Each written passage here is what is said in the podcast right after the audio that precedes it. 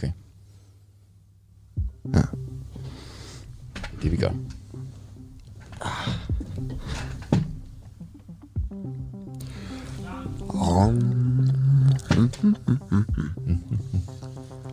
La la la.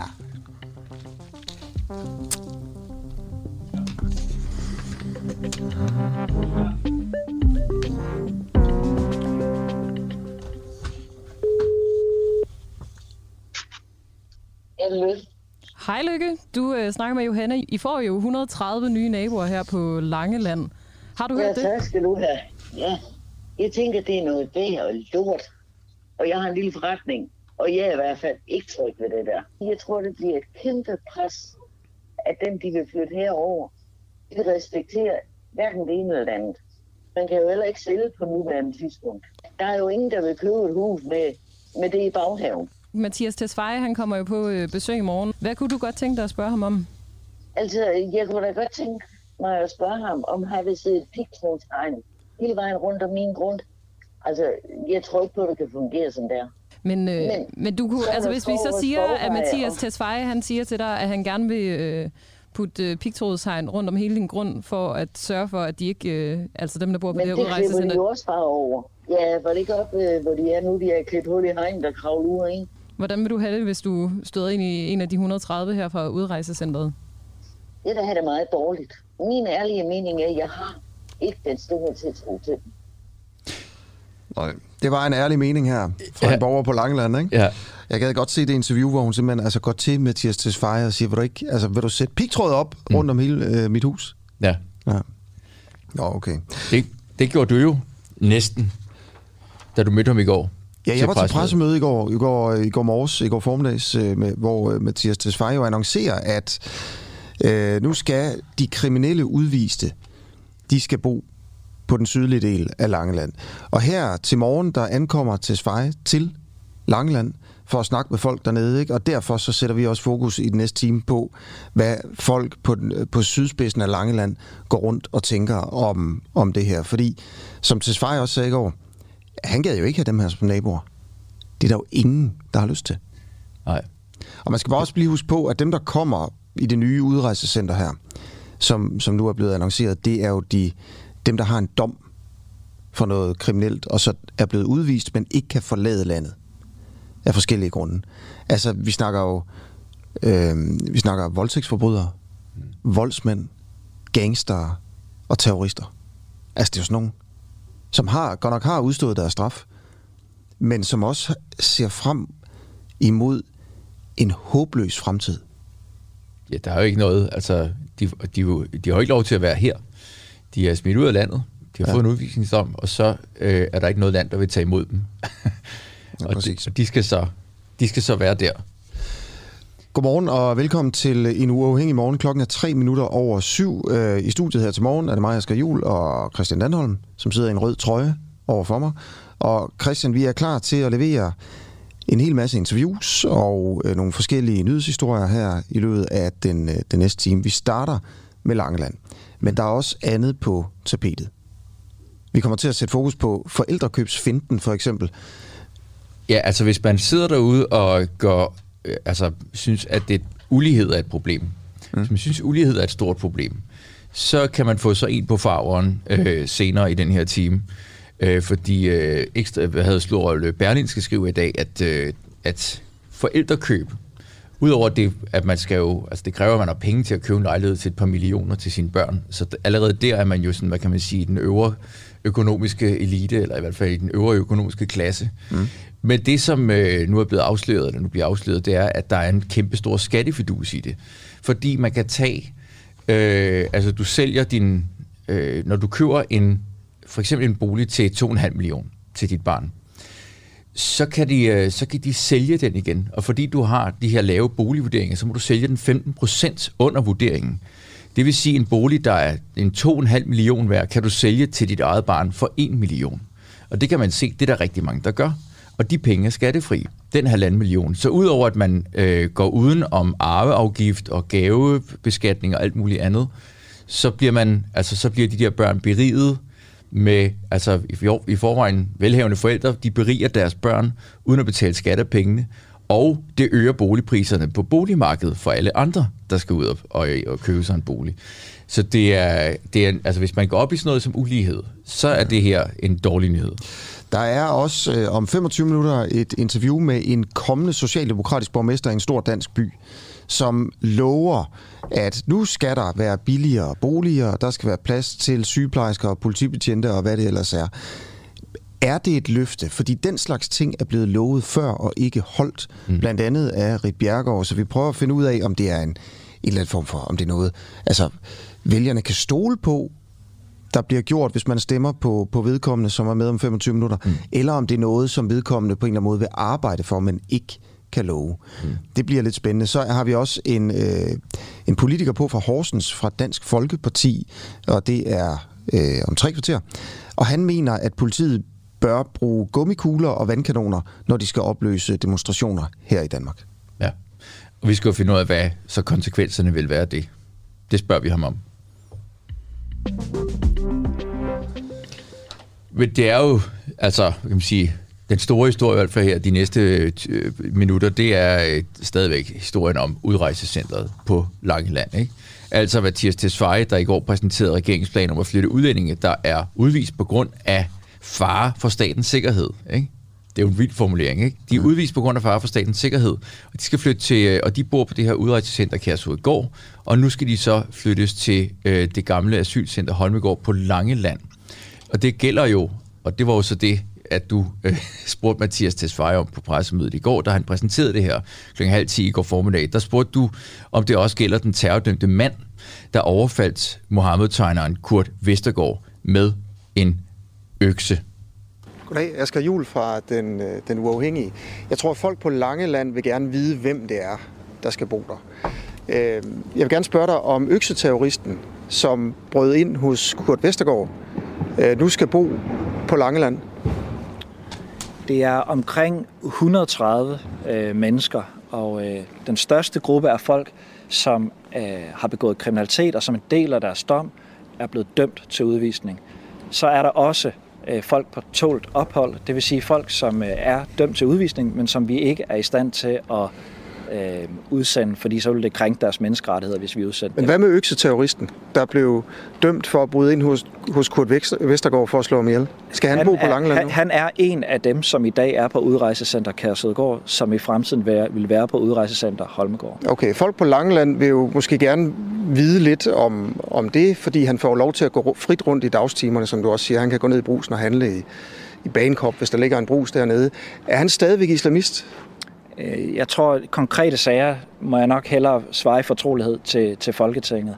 Men det er rigtigt. Men ved du, om han er islamist stadigvæk?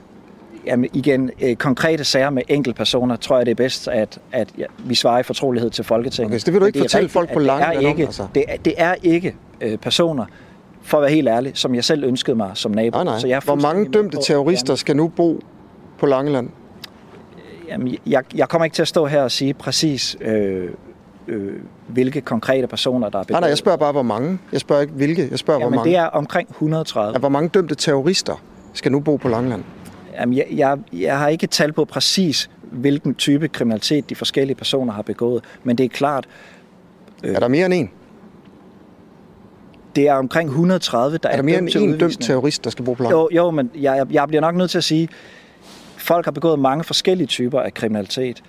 Noget meget voldsomt, noget mindre voldsomt. Mm. Det er til sammen 130. Det, der er fælles for dem, er, at de er dømt for kriminalitet, og at der er en dommer, der har taget stilling til, at de ikke skal være her. Men er der mere end én dømt terrorist, der nu skal bo på Langeland, og kan gå frit rundt i dagstimerne? Jeg vil ham, gerne, der ville slå Kurt Vestergaard ihjel. Jeg vil meget gerne svare på det spørgsmål, men nogle af de oplysninger kræver fortrolighed, og det vil jeg så gøre til folk. Antallet kræver vel ikke fortrolighed? Øh, jeg vil ikke stå her og øh, fortælle om konkrete enkeltpersoner. Er antallet, er det, er det omfattet af fortrolighed, antallet af, hvor mange dømte terrorister, der kommer ja, til at bo tror, på jeg, skal, jeg, skal, jeg tror, jeg har svaret på dit spørgsmål. Vi skal nok bede om den, den næste. Ja. Så lød det altså i går, da jeg øh, var et smut forbi øh, Integrationsministeriet og interviewet til Sfaje. Og vi kan jo høre her, Christian, at øh, altså, i hvert fald økseterroristen, der vil myrde Kurt Vestergaard, han skal nu bo på Langeland. Han har udstået sin, sin straf, og øh, nu skal han bo der altså i, i nogle år. Altså måske resten af sit liv, vi aner det ikke. Der er jo også sandsynligvis andre dømte terrorister, som skal flytte til Langeland, men Tesfaye her vil ikke sige, øh, kan måske ikke sige, hvor mange det er. Måske ved han det ikke, men han vil i hvert fald ikke sige, om det er mere end en. Altså om det er, mere, om det er flere end økseterroristen. Det kunne jo godt være, at folk på Langeland ville vide det. Mm. Og vi har ikke fundet ud af det senere.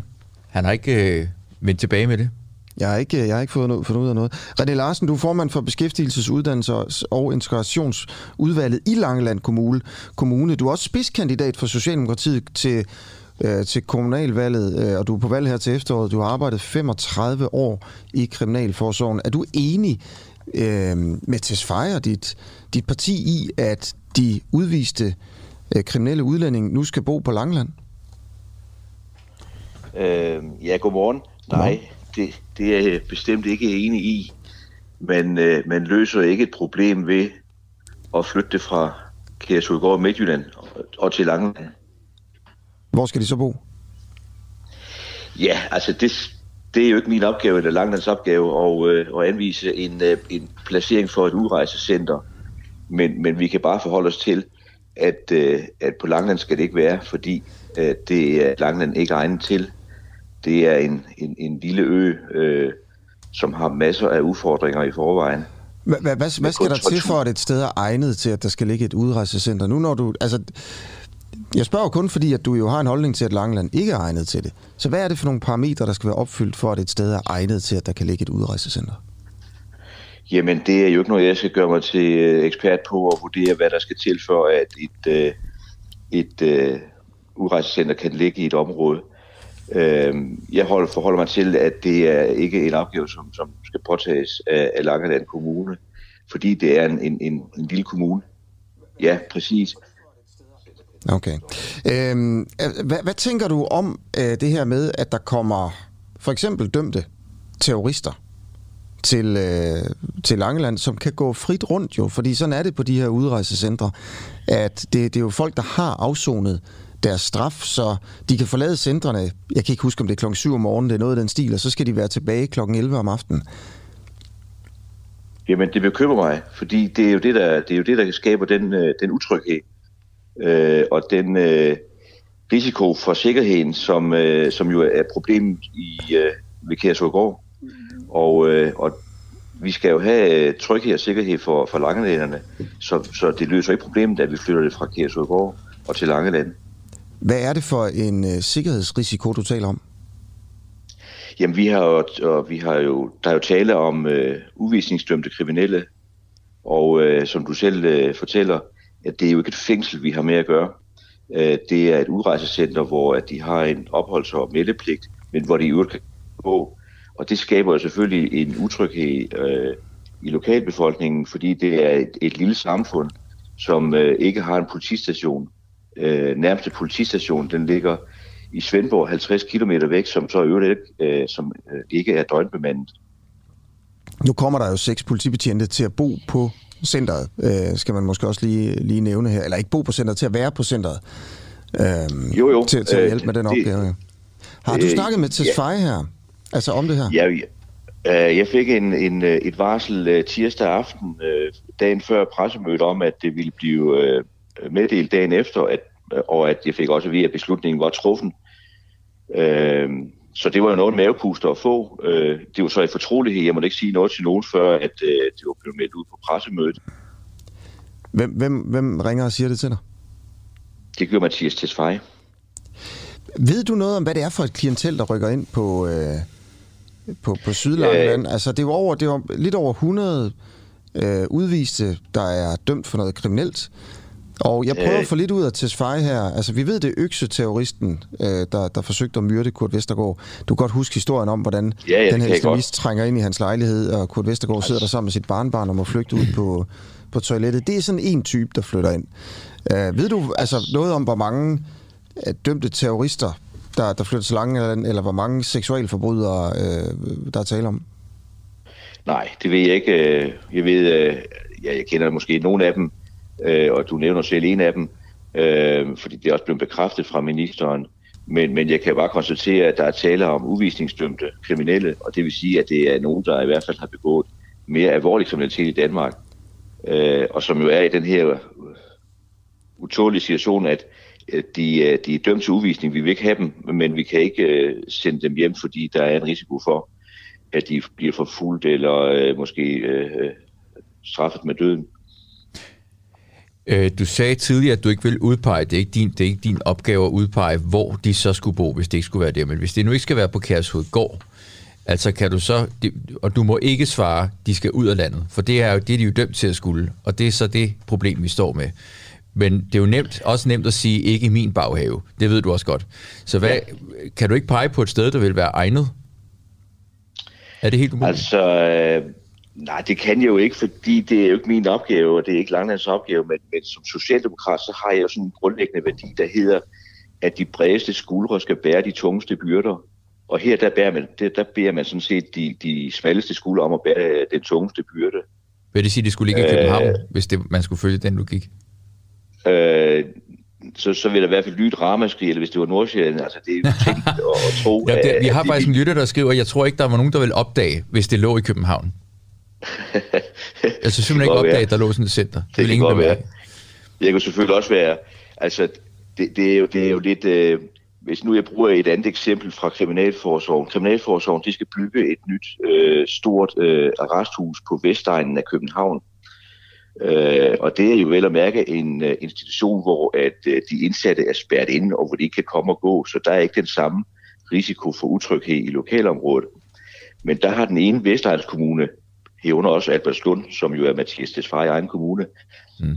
her, her har den ene Vestegns Kommune efter den anden svaret nej tak Øh, og så er man gået videre til næste kommune, som også har svaret nej tak. Og nu er man ude i kommune nummer 5-6 stykker. Det er så ikke en valgmulighed, at, øh, at Langland har fået. Altså, jeg sidder virkelig frustreret nu, øh, og føler, at Langland er blevet øh, brutalt kørt over af staten. Men vil, det vil alle vil føle? Ja, selvfølgelig vil alle føle det. Ja. Så jeg kan ikke anvise et sted, hvor at, øh, at øh, det her kan ligge. Øh, jeg kan konstatere, at man i Kærsugård har dem i forvejen og har haft dem længe. Nu siger man så, at øh, man vil skille de afviste asylansøgere fra de øh, uvisningsdømte kriminelle. Mm. Hvis man skulle følge den tankegang, så kunne man jo lige så godt have flyttet de uvisningsdømte asylansøgere, som at man kan flytte de øh, uvisningsdømte kriminelle. Det ville måske være en billigere løsning, fordi man jo i forvejen på Kærsugård har indrettet med parametersikring, politi og personale. Fordi vi har også den, det paradoks i Kriminalforsorgen, at vores medarbejdere på Kærsudgård, de er jo nu frustreret, fordi nogle af deres arbejdspladser forsvinder til Langland. Og de har jo ikke tænkt sig at køre fra Midtjylland til Langland for at arbejde med uvisningsdømte kriminelle. Så på grund af arbejdspladserne, så vil du synes, det var en, øh, en god handling at lade det ligge i Kærsudgård. Det vil de være glade for der? Altså, hvis du, hvis du sådan uh, tvinger mig til at sige en, en placering, så, er, så, er min, øh, så, så vil jeg sige, at de er i forvejen på Kærsholgård, uh, og der har de været længe. Kærsholgård er et tidligere fængsel, uh, og der er i forvejen indrettet med personale og parametersikring. Uh, så, så det, og som jeg også startede med at sige, vi løser ikke problemet ved at flytte fra Kærsholgård og til Langeland. Men okay, så du synes, de skulle blive der. Vil det sige, at de er Øh, altså, vil du så modarbejde dit eget partis planer? Du sagde før, at beslutningen er taget, så det var lidt en, en, en dunkel oplysning, du fik der, eller duk i nakken, ikke? Men vil du så modarbejde? Altså, nu havde vi et ekstranet øh, møde i kommunalbestyrelsen i går, og øh, en samlet øh, kommunalbestyrelse, de, øh, de tager afstand fra den her øh, beslutning. Og øh, og den, øh, den udmelding, den vil vi øh, aflevere til øh, Mathias Tesfaye i dag, når han besøger Langeland. Så hvad er sandsynligheden for, at I kan stoppe, så må vi, så må stoppe vi... den her udvikling? Hvad siger du? Hvad vurderer du selv sandsynligheden er for, at I kan stoppe den her udvikling? Altså omgøre beslutningen? Um, altså, jeg håber slet ikke på, at der er et, øh, et halmstrå, at vi kan øh, gribe i. Øh, det skal jeg ikke. Men, du øh, håber ikke på, at der er et halmstrå, I kan gribe i? Jo, jo, jeg håber på, at vi har et halmstrå at gribe okay. i. Øhm, men men jeg, jeg må også være ærlig at sige, at, at jeg frygter, at den her beslutning, at den er, øh, den er taget. Øh, og det er ud fra, at ejendommen, den er købt. Øh, ministeren har meldt beslutningen sådan ret firkantet ud i, i offentligheden. Øh, og så bliver det desværre nok svært øh, som lille kommune at komme og sige, at det vil vi ikke, og så siger ministeren og regeringen om det, så bliver det ikke sådan. Mm. Men jeg kan i hvert fald konstatere i går øh, på reaktionen på Langeland, at der er frustration og der er vrede, øh, og det er, det er virkelig massivt øh, fra, fra den langlandske befolkning. Så hvad vil du sige til dem, hvis du har 35 års erfaring fra Kriminalforsorgen, der skal bo udvisnings, altså dømte, udvisning, dømte terrorister, der er ud, dømt til udvisning, lige øh, op og ned af folk, øh, de 12.000 borgere, der bor på Langeland. Så hvad her afrundingsvis vil, du, øh, vil din anbefaling være til dem, når de, altså hvad skal de gøre, når de går ned i brusen eller går rundt på gaden og, og, skal, og, og ligesom skal håndtere den her situation? Hvad vil dit råd være til dem? Jamen, jeg vil lige sige, at nu siger du 12.500 langelænder. Ja, det er rigtigt. Men om sommeren, der er vi jo 5-6 gange så mange, fordi det er en uh, turistø, og vi, ja, ja. vi har et stort turismeerhverv. Uh, så det frygter du også for? Ja, selvfølgelig. Altså, ja. Øh, det, altså, jeg frygter jo, at det har konsekvenser for vores bosætning, og at det har konsekvenser for uh, turisme. Og Holmegård er jo placeret lige midt i et øh, meget naturskønt område med mange sommerhuse, og lige ved siden af vores største turistattraktion, Folketidsmuseum Langlandsfort. Mm.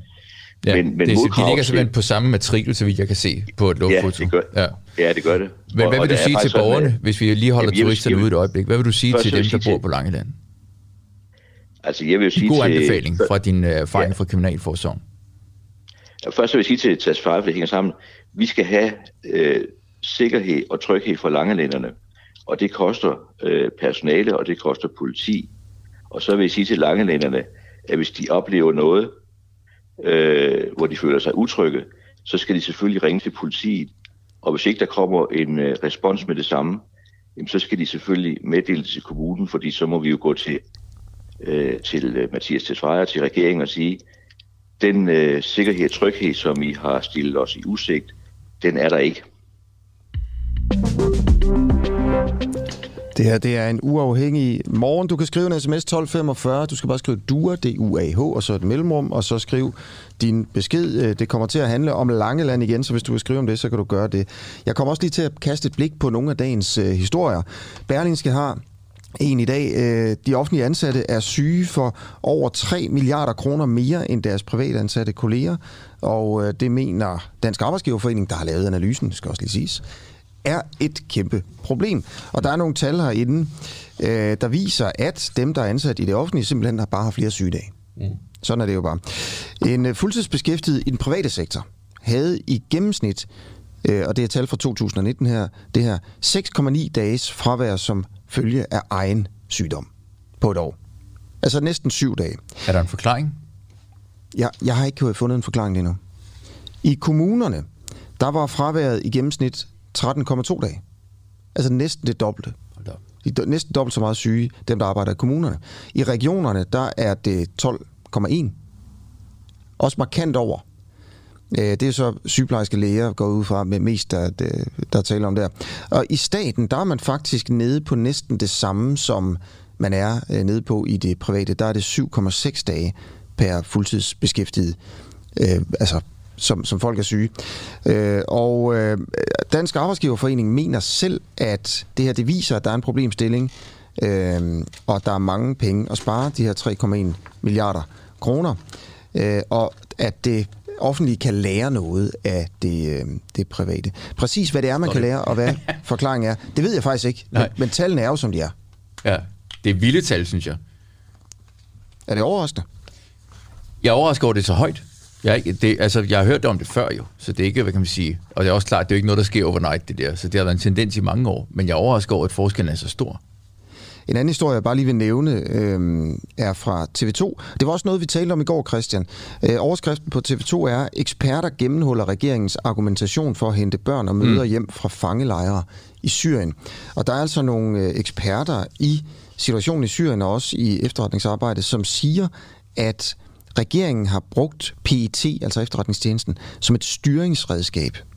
Og, og det, som øh, regeringen siger, er nyt, og, og grunden til, at man nu henter møder og børn hjem fra Syrien, det er ikke nyt. Nej. Altså, det har været kendt i hvert fald et år. Så det her med, at man er vendt på en tallerken, fordi PET ja. har ændret deres holdninger og deres vurderinger, det er forkert. Det, giver... det var faktisk det, Pernille Vermund sagde til os i går. Ja. Øhm, da hun var, da vi interviewede hende. Og øh, det bliver altså bakket op af nogle, øh, nogle eksperter. Men det er næsten helt lettet over at høre det der, fordi da vi havde et interview med Rasmus Stocklund i går, der forstod jeg simpelthen ikke, hvorfor... Øh, altså jeg kunne simpelthen ikke høre, hvad det nye var, i forhold til, hvad vi havde... Øh, hvad vi havde... Øh, Nej, hvad der var, hvad, der var vidste i forvejen. Det er altså også det, øh, som, som, som de mener, de her eksperter. Og vi prøver jo øvrigt øh, her til morgen at få en af de her eksperter på. Det vil jeg rigtig gerne lige høre lidt ind, mm-hmm. høre lidt mere om. Men det er også bare for at sige til jer, der lytter med, det kan vi ikke lige garantere. Nej. Det er en af de ting, øh, der er forbundet med sådan øh, dagligdagens praktiske bøvl. Øh, hovedeksperten, som vi faktisk sidder og skriver lidt med, er vist nok i en bil og kan ikke rigtig tale og har ikke, ikke nødvendigvis et headset. Og det, det er sådan noget, vi er ude i. Ja, det er meget lavpraktisk. Øh, en tredje historie, som vi også lige kommer til at få uddybet en lille smule. Øh, Sevilla, Tænketanken Sevilla har lavet en, øh, en undersøgelse, og vi skulle have direktøren Asbjørn Sonne Nørgaard med på en telefon. Godmorgen. Godmorgen. Godmorgen. Det er noget, øh, som vi har fundet i Berlingeren her til morgen, det her. En analyse viser, at danskerne har fået milliarder ud af at udnytte muligheden for at handle ejendomme til familiepriser. Vil du prøve at fortælle, hvad det er, I har fundet ud af? Ja, det vi har kigget på, det er, øh, alle kender det her fænomen med forældrekøb og forældrekøbte lejligheder. Det der har været noget debat om. Men det, der også sker med mange af de forældrekøbte lejligheder, det er, at de bliver solgt videre i familien. Øh, det nærtstående familiemedlemmer, typisk børn, Øhm, og det er jo særligt udbredt med lejligheder i de store, øh, store byer. Øhm, og det man så kan, når man så har sine forældre købt lejlighed og sælger den videre, det er, at man kan sælge den videre til langt under markedsprisen. Og hvis man sælger den videre Hvor til langt? langt under... Ja, man kan, det man kan, det er, at man kan sælge den til 15% under vurderingerne, men så er der jo lige den historie om, at ejendomsvurderingerne de er gået totalt i koks de sidste mange år. Ikke? Så vi har ikke retvisende ejendomsvurderinger. Øh, ejendomsvurderingen de har ikke rokket sig ud af stedet i mange år, og vi i stedet som i København, der har der været øh, 10% stigninger i boligpriser bare det sidste år. Og når Så vi siger mange år, så er det siden 2012, så vidt jeg husker, ikke? Jo, jeg kan ikke huske det lige nu, øh, men altså siden de her vurderinger ikke øh, er kommet op at stå, ikke, og vi, øh, mens vi venter på Godot, ikke, altså vi, vi, vi, vi skal have nogle nye vurderinger i år, men vi skal også have det sidste år. Nu vil vi se, hvornår de kommer. Men altså det vi har, det er, at vi har ikke retvisende ejendomsvurderinger, og når du så samt, altså de meget lavere markedspriser. Og når du så samtidig kan sælge til 15% under vurderingen, så det vi finder ud af, det er, at øh, i, i, i mange år, så bliver det simpelthen øh, overdraget øh, øh, omkring en million, og nogle gange mere end en million, øh, mellem, fra, fra den forældrekøbte lejlighed til, til, øh, til den der, i den der familie, han typisk til et barn, som så overtager lejligheden. Så sidder og siger, at er det ikke godt nok? Jo, det er det jo, hvis, øh, hvis der bliver betalt skat af, af den, øh, altså vi har noget, der hedder bo- og, og arveafgift, altså man skal betale skat ud over et lille beløb, øh, eller et mindre beløb, som man kan overdrage mellem øh, til sine børn, så skal man betale skat af sådan nogle gaver, og det bliver jo ikke gjort i de her øh, familiehandlede lejligheder. Så det er, det er en lille skattefidus, og samtidig er det med til at presse boligpriserne op i byerne. Så, det- og, og det er lovligt? Ja, det er fuldt lovligt. Ja, og hvor mange øh, penge går... Øh, altså, det er en skattefidus, der jo selvfølgelig bliver brugt mm. af dem, der har penge til det. Altså, det er ja. Ja. jo klart, at almindelige mennesker... Øh, det ved jeg ikke med almindelige mennesker, men folk, der ikke har råd til at købe en, en øh, ejerlejlighed til deres børn, øh, ja. Ja. kan jo ikke... Ja, de skal jo betale det- skat jo, ikke? Men, men dem, der har råd til, til det her, de er jo så dem, der slipper for skat. Og det er jo måske dem, der Ja. har lidt, lidt flere penge gennemsnittet. Øh, Jamen, det er det. Hvor Det er, mange, hvor det mange er en penge, tidlig øh, analyse vist. Ja, hvor mange penge øh, er, er vi andre så gået glip af? Ja, det man er gået glip af over sådan en øh, 20-årig periode, hvor vi har kigget på det fra år 2000 og frem, øh, det er sådan knap 18 milliarder kroner, der ikke er blevet beskattet. Og hvis vi øh, ganger og dividerer på det med det allerbedste skøn, man kan lave på det, så svarer det til 2,5 milliarder, knap 2,5 milliarder kroner, som i skatteindtægter. Og det er jo det der med, det er mange nuller, ikke? Øh, Jo, det er mange nuller, Ja, men altså, er det, siger 300, 300 millioner kroner i 2019, for nu at sige noget mere. Hvad, hvad er det? Altså, Måske hvad er vi lidt ude i? Altså, hvor meget har de sådan lovligt snydt for i skat, hvis man kan sige det på den måde? altså, hvad, hvad, hvad betyder det? Hvad, hvor Jamen, det er jo det, jeg prøver at sige med, med at sige, at det var, altså, i 2019 det er 300 millioner kroner. Så kan man sige, hvad kan man få for det? Øh, men altså mange gange, så sidder vi jo og snakker om indsats på, på puljer og sociale indsatser, hvor vi siger, juhu, nu har vi fundet puljemidler på 50 og 100 millioner kroner. Her øh, kan du så sige, her har du mistet alene i 2019 har du mistet 300 millioner, og hvis du kigger over perioden, så har du mistet et kæmpe beløb, øh, kæmpe milliardbeløb, ikke? Så, så og, og, og det, altså, så det er jo penge, som fællesskabet kunne have brugt på noget andet, fordi det er jo, det er jo, det er jo penge, som hvis det var blevet overdraget på en anden måde, altså på alle mulige andre måder, så ville det jo være blevet beskattet, og så er der givet de her indtægter. Men du kan sige, at der er sådan set en yderligere effekt ved det, ikke? fordi øh, det, at du har den her fidus, som jeg vil kalde det, øh, det er jo også med til at presse priserne op, så ikke alene er der nogle indsigter, vi er gået glip af, det bliver også sværere for andre at komme ind. Altså i, i, i gennemsnit over den her periode, så er det 10 procent af lejlighederne, som er blevet øh, solgt på den her måde. Det er trods alt meget. 10, er det landstækkende? Nej, det er for øh, København og Frederiksberg, og så Aarhus, Aalborg og Odense, de store byer. Ja, 10 procent alligevel. Det er alligevel meget, ikke også? Det er 2 procent af boligmassen hvert år. Og du kan nok se, at hvis du ligesom hiver det ud af ligningen og sidder og siger, at det, det ordner vi, det bliver i familie, så bliver der mindre øh, boligmarked, og det bliver sætter pres på det yderligere, øh, pres på boligmarkedet i, i øvrigt. Så ikke alene har vi mistet noget indtægt, det er sådan set også noget, der bidrager til at, at, at, at presse priserne op. Så, så det, er, øh, det, er ikke, det er ikke skide godt for samfundet med sådan en fidus. Nej, fordi det er jo ikke, man snyder jo ikke. Det er fuldt lovligt, det her, så det er jo ikke Det er fuldt i lovligt. skat. Det, skal vi, det, Det, det, det, man, kan, kan man sige, det er et hul i skattelovgivningen. Ja, det er, som ikke nogen, øh, det, er, det, er ikke nogen, det er ikke en momskarusel, og det er ikke øh, udbytteskatteskandaler. Det her, det er fuldt lovligt. Der er en lytter, der skriver, at øh, altså, hvis mange mennesker vil have det samme, så stiger prisen udbud efterspørgsel. Det kan man ikke beskatte væk. Øh, Right. Der er intet ved forældrekøb, der er nyt eller en afsløring. Men, Men der er ikke nogen, ej, der er ikke nogen afsløring. Der er bare ikke nogen, der er bare ikke nogen, der har beregnet det før. Der er ikke nogen, der har sat kroner og øre på. Altså, Så det Så nye det er, at nu ved I, at der er et, I har opdaget, at der er det her hul, og at det, hvor mange penge det er, der ryger ned i det hul. ja, det kan du sige. Altså, fordi det, det, jeg tror nok, alle folk, øh, der ved det om boligmarkedet, har haft en fornemmelse af det. Men altså, det, man har kigget på mest indtil videre, det er forældrekøb. Og så har man sagt, ja, men forældrekøb, det er med til at presse prisen op. Så siger vi så, jamen, hvad sker der så efter forældrekøb? Jamen, så bliver de typisk handlet videre, de her lejligheder i, i, øh, i familien. Ikke? Så, så, så du kan sidde og sige, at det her, det er, det er fortsættelse af en historie, vi måske kender. Så er det sidde og sige, hvad sker der så? Så Derefter. det er, så det er, det er flødeskum og creme fraiche til kagen, man får, Det hvis man, man ikke begår et forældrekøb. Må jeg spørge, skal Ja. det stoppes, det her? Ja, altså jeg synes jo, vi skal, man er nødt til at sidde og kigge på, om man skal have de her statsautoriserede skattefiduser. Og det hænger jo lidt øh, blandt andet på, på, på de her vurderinger, som, øh, som vi jo fanden kigger, øh, med, kigger med længsel efter, ikke? at nu skal vi snart have de her retvisende vurderinger. Øh, men, men man bør måske også kigge på, hvor stor en rabat man skal have i forhold til vurderingerne, fordi, fordi boligpriserne udvikler sig jo hele tiden, og hvis man, hvis man kan sælge øh, løbende til 20 procent under en i øvrigt konservativ vurdering, så bliver det jo alligevel til, til, til, til, til store formuer. Så, men altså det første, vi skal have, det er, at vi skal simpelthen snart have de der retvisende øh, vurderinger, så, så, så det her hul, det i hvert fald kan blive øh, delvis, fyldt, øh, delvis øh, lukket.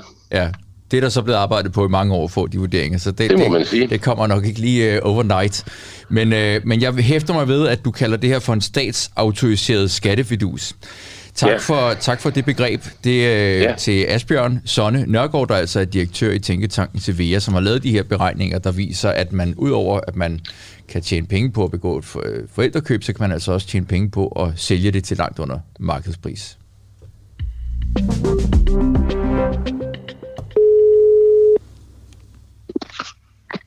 Birte? Hej Birte, du snakker med Clara Vind. Ja? Jeg vil gerne snakke med dig omkring jeres nye naboer, det nye udrejsecenter ved Holmegård. Hvorfor vil du ikke have dem som naboer? Ah, no, ej, vi har haft flygtningscenter før, så øh, hvad hedder det, det er ikke lige det, vi har allermest lyst til. Men øh, ved hvad, du kan lige få min mand. Ja, det vil jeg meget gerne. Lige, ja, det får du lige to sekunder. Tak. Ja, kom lige. Ja, det er Jan. Hej Jan, du snakker med Clara Vind. Hvad tænker du med, med de nye naboer, I snart får? Det er fandme noget lort. Hvorfor er det noget lort? Nej, det er sgu ikke... øh, Det er jo nok ikke Guds bedste børn, der kommer. Jamen, det er jo kriminelle jo, ikke? Ja, det er udviste asylansøgere. Ja, kriminelle udviste asylansøgere, ja. Er det noget, lokalsamfundet er blevet informeret om? Overhovedet ikke. Det kom som en bombe her til i morgen. Hvis du kunne sige noget direkte til Mathias Tesfaye lige nu, hvad vil det så være? Uh, det skulle han lige tænke over en gang mere. Ved du hvad, han, de røver vores kraft, det med den ene øh, gang efter den anden. Nu, og i mange, mange år har vi kæmpet og kæmpet, og hvad her det? Og, og nu lyster det, og så kommer der kraft ind med det her. Undskyld mit sprog, men jeg skulle sur over det. Det her, det, det her, det giver lige nøjagtigt. Det er igen noget, de kom gang i. Folk var begyndt at kunne sælge deres hus igen, og, og, og det begyndte at lysne efter 20 år. Her til morgen, jeg ved ikke præcis hvornår, klokken er fem over halv øh, otte lige nu, men her til morgen, der ankommer Mathias Tesfaye til Langeland. For at prøve at forklare dem, hvorfor at øh, de kriminelle udviste udlændinge, de skal bo på sydtippen af øen. Og det Tesfaye jo vil, det er, at han vil tage dem ud af Kærshovedgård, hvor de jo bor nu. Og der bor de faktisk sammen med de afviste asylansøgere. Det er altså folk, der ikke har begået kriminalitet, men som heller ikke øh, kan få lov til at være i Danmark. Og de to grupper, de skal ikke bo sammen. Det sagde øh, Tesfaye i går til pressemødet. Han sagde, at der er noget fornuft i at få adskilt de to grupper. Han sagde også, at det er ikke gavnligt, at de to grupper øh, bor dør til dør, altså de kriminelle udlændinge, der er udvist, og så de afviste lovlydige asylsøgere. Men hvad mener Tesfaye egentlig med det? Hvorfor er det ikke gavnligt, de bor dør om dør? Er det fordi, for eksempel, at der er terrordømte beboere, som radikaliserer de andre, for eksempel de afviste asylansøgere? Er der eksempler på det? Det er, mener vi, et relevant spørgsmål.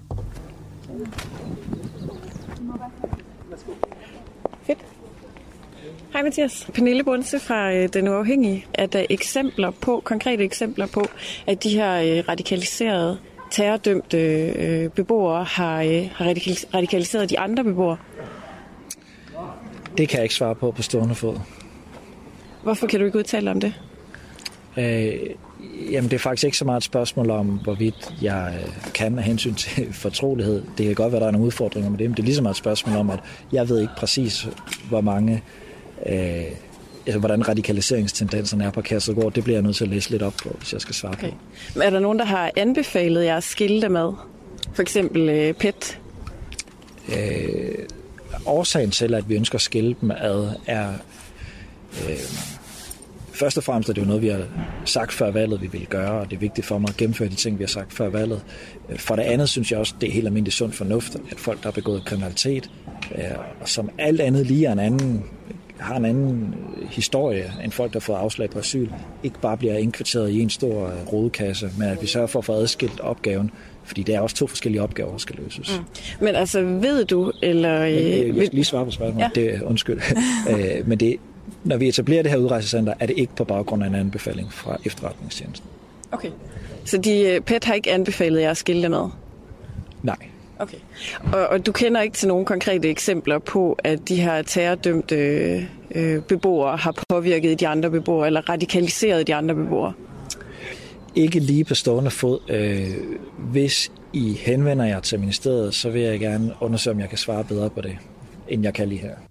Og det har vi selvfølgelig gjort, fordi vi vil gerne vide, om de her udrejsecentre er radikaliseringsredder.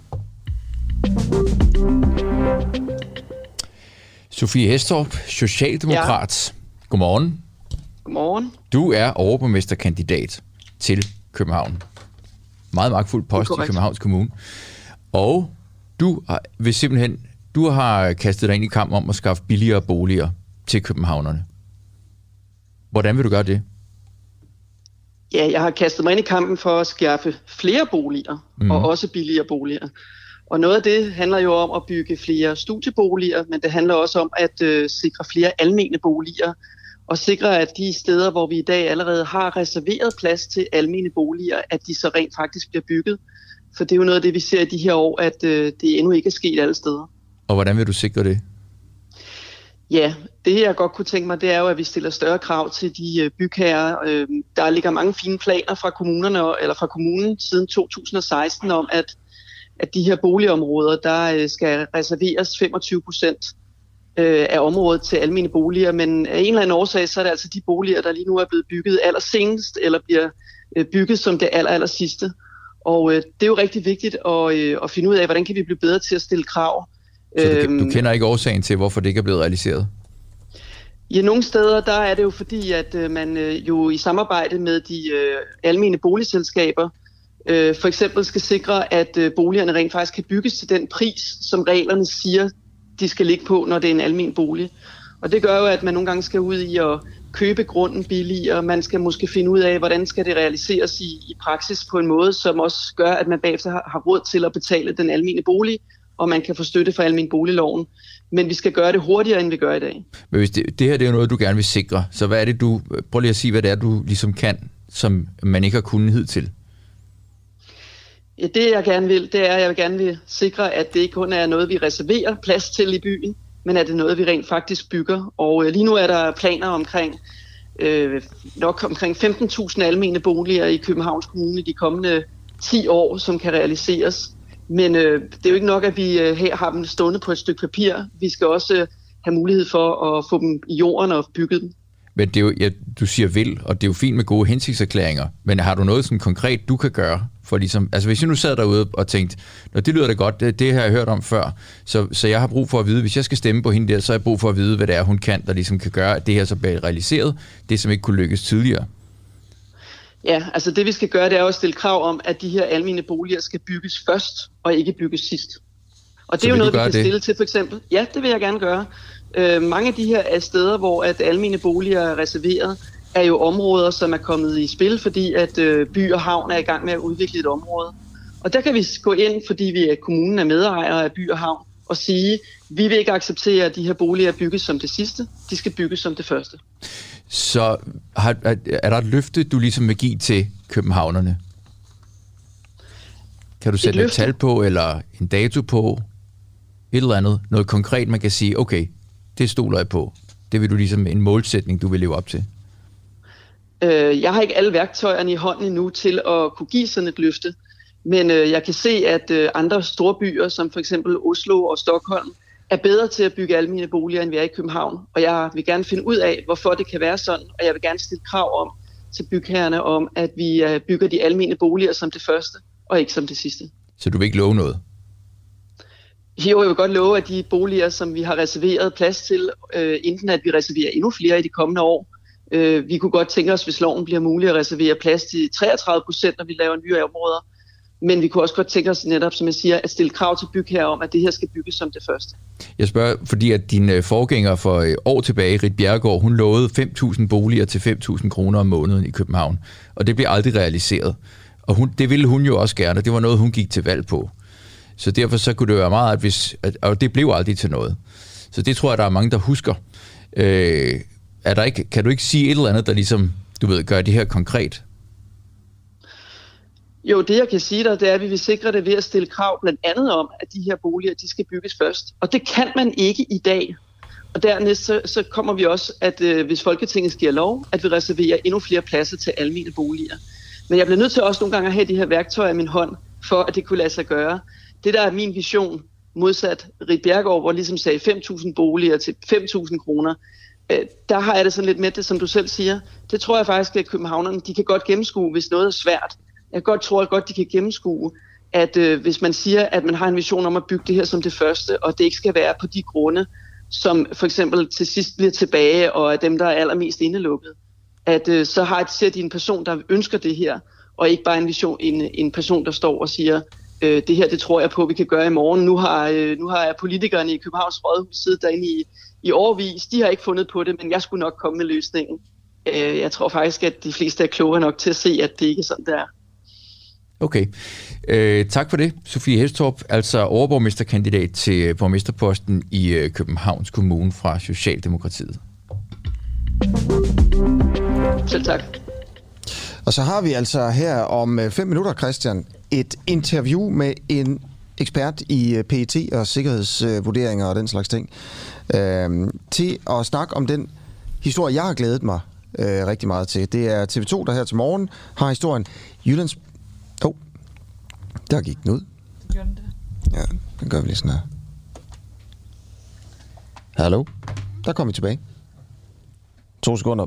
Hvis du lytter med lige nu, så hæng på i et øjeblik. Skal man trykke ja eller nej her, Christian?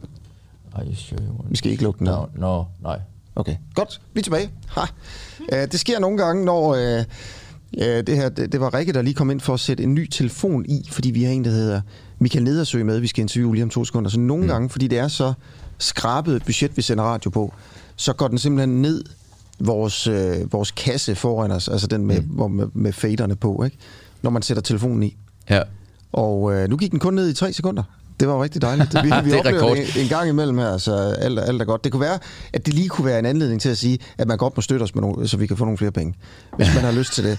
Og der kan man altså lige gå ind på hjemmesiden, og, øh, og så kan man blive medlem og betale 39 kroner om måneden. Eller 349 om året. Ja, så, bliver kan, det så kan vi, for så på et tidspunkt, så får vi nok øh, råd til en ny kasse.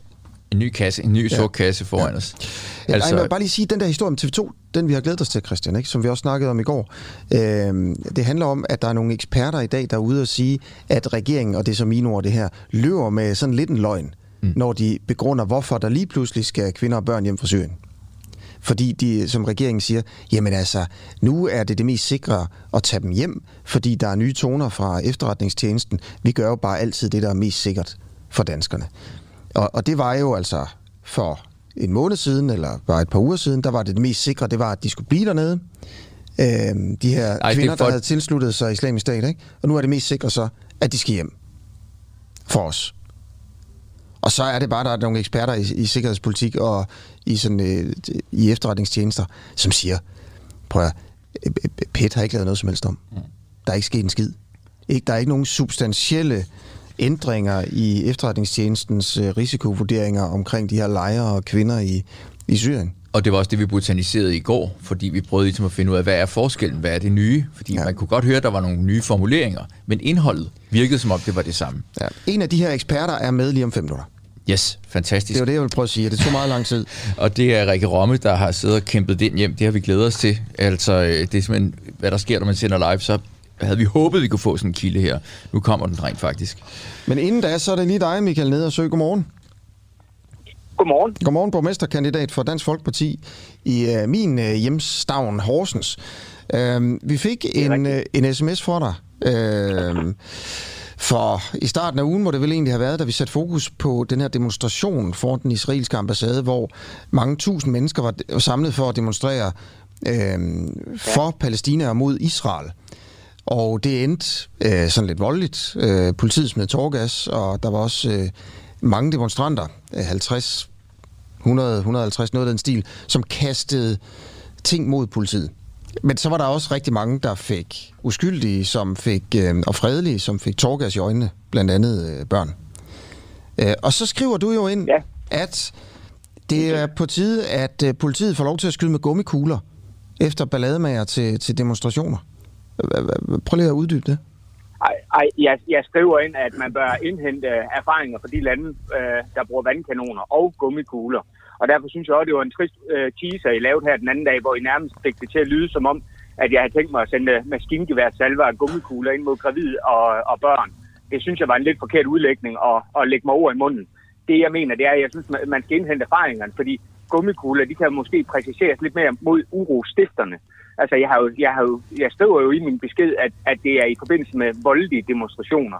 Og i lighed her den anden dag, da I, da I forholdt ham politichefen, at om, om politichefen ikke burde have lavet nogen risikoanalyse, der vil jeg da sige, at man burde jo også have lavet nogen risikoanalyse og lade være med at tage børn med til en demonstration, øh, der, an, øh, der omhandler Israel og Palæstina.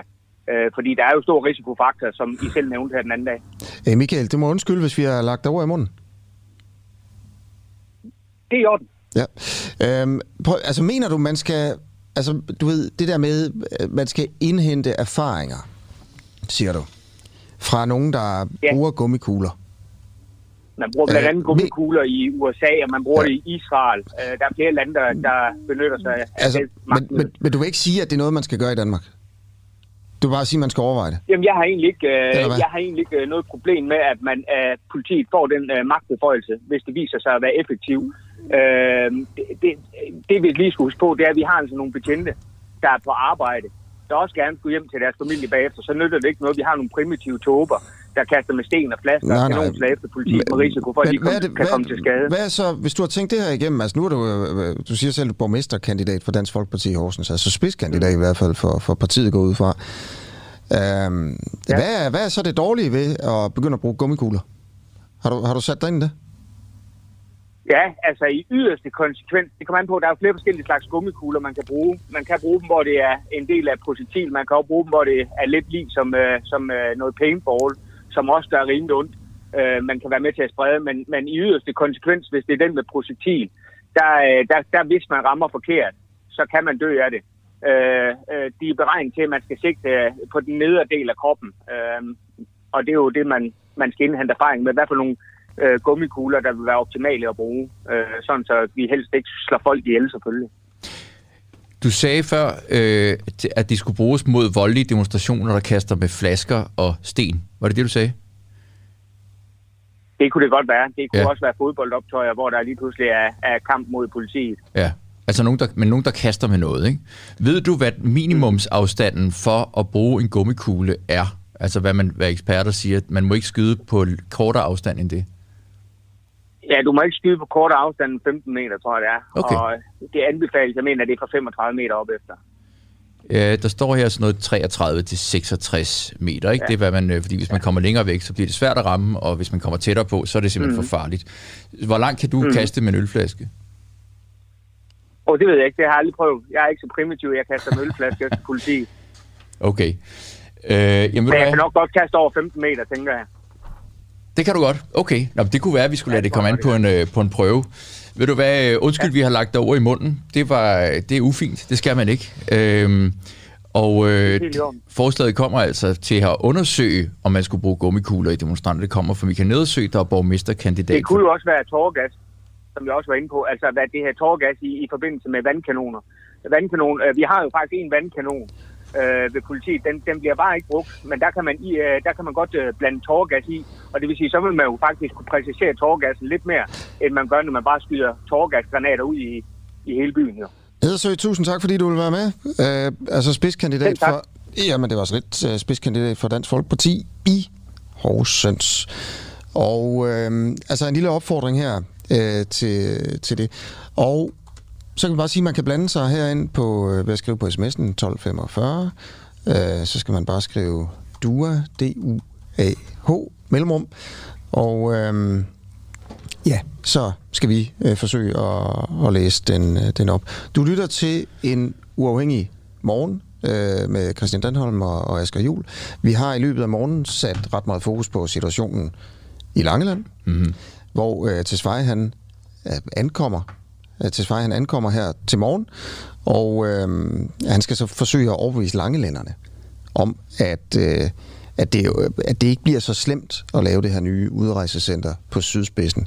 Han skal faktisk overbevise dem om, at, at, de, det, at de skal, han skal få dem til at acceptere, at de skal have en nabo, han ikke selv vil have. Det sjove ved den historie var, at det blev annonceret i går, og det sjove ved det var, det var, altså, så tager man jo fokus væk fra den anden lortesag, der kommer altså 12 timer inden og det er jo altså sagen om, hvordan... Og det, det her, det er ikke noget ja. tilfælde. Altså, det er Nej. rent spændende, ja. ikke? Og det er også derfor, at, at, at vi selvfølgelig ikke glemmer det, der skete lige inden. Øh, og det skal vi snakke om nu. Mm. Øh, og det var jo, at, øh, at, at regeringen vendte på en tallerken og sagde, nu skal kvinder og børn hjem, nogle kvinder og nogle børn hjem fra lejrene i Syrien, øh, selvom altså, man jo har sagt, at det aldrig ville komme til at ske, og det var i hvert fald ikke på Mette Frederiksens vagt. Lige pludselig så skete det, efter at støttepartierne havde truet hende. Spørgsmålet er så, er hun så stram på udlændingepolitik, som hun siger? Kan hun holde de der støttepartier fra at bestemme noget her. Så hvis man er meget stram på udlændingepolitik, kan man så stole på, at man skal stemme på Mette Frederiksen. Det er jo det, det handler om. Og øhm, øh, så prøver de jo at at krybe udenom i regeringen og sige, at det er da ikke fordi, vi, altså, vi bliver da ikke presset af støttepartierne, det er da ikke fordi, vi slap, det er bare fordi, at, at PET har lavet en ny vurdering. Efterretningstjenesten siger nu, at det er meget sikre, at vi tager dem hjem. Spørgsmålet er selvfølgelig, er det rigtigt? Kan man stole på regeringen, når de siger det her? Er Socialdemokratiet øh, det, de siger, de er altså simpelthen så, så stramme på det her? Eller er det noget, lyver de en lille smule, for at være helt ærlig, når de siger, at jamen, det, det er noget, PET siger, vi gør bare, hvad PET siger.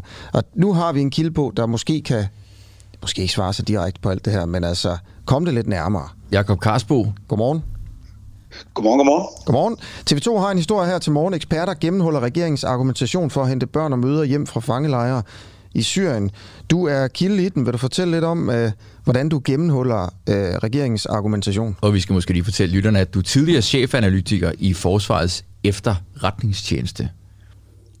Ja, det er korrekt. Øh, og jeg har arbejdet med øh, kontraterror som øh, souschef i FE's kontraterrorafdeling i, øh, i fem år. Så, så det er der, øh, det der egentlig er min baggrund. Øh, man kan sige, øh, jeg begyndte at falde over det her tilbage i marts måned, og regeringen øh, jo ligesom øh, trak øh, sikkerhedskortet, når de skulle argumentere for, hvorfor at de her øh, kvinder og børn ikke skulle hjem. Øh, så tog jeg min gamle øh, lærdom øh, på kontraterror og sagde, det passer jo ikke. Fordi øh, der er to forhold, der betyder noget. Det er øh, hensigt, det vil sige, er personen radikaliseret, øh, hvor meget er personen villig til at udrette, og så er det kapacitet, det vil sige, hvilken våbentræning osv. har personen.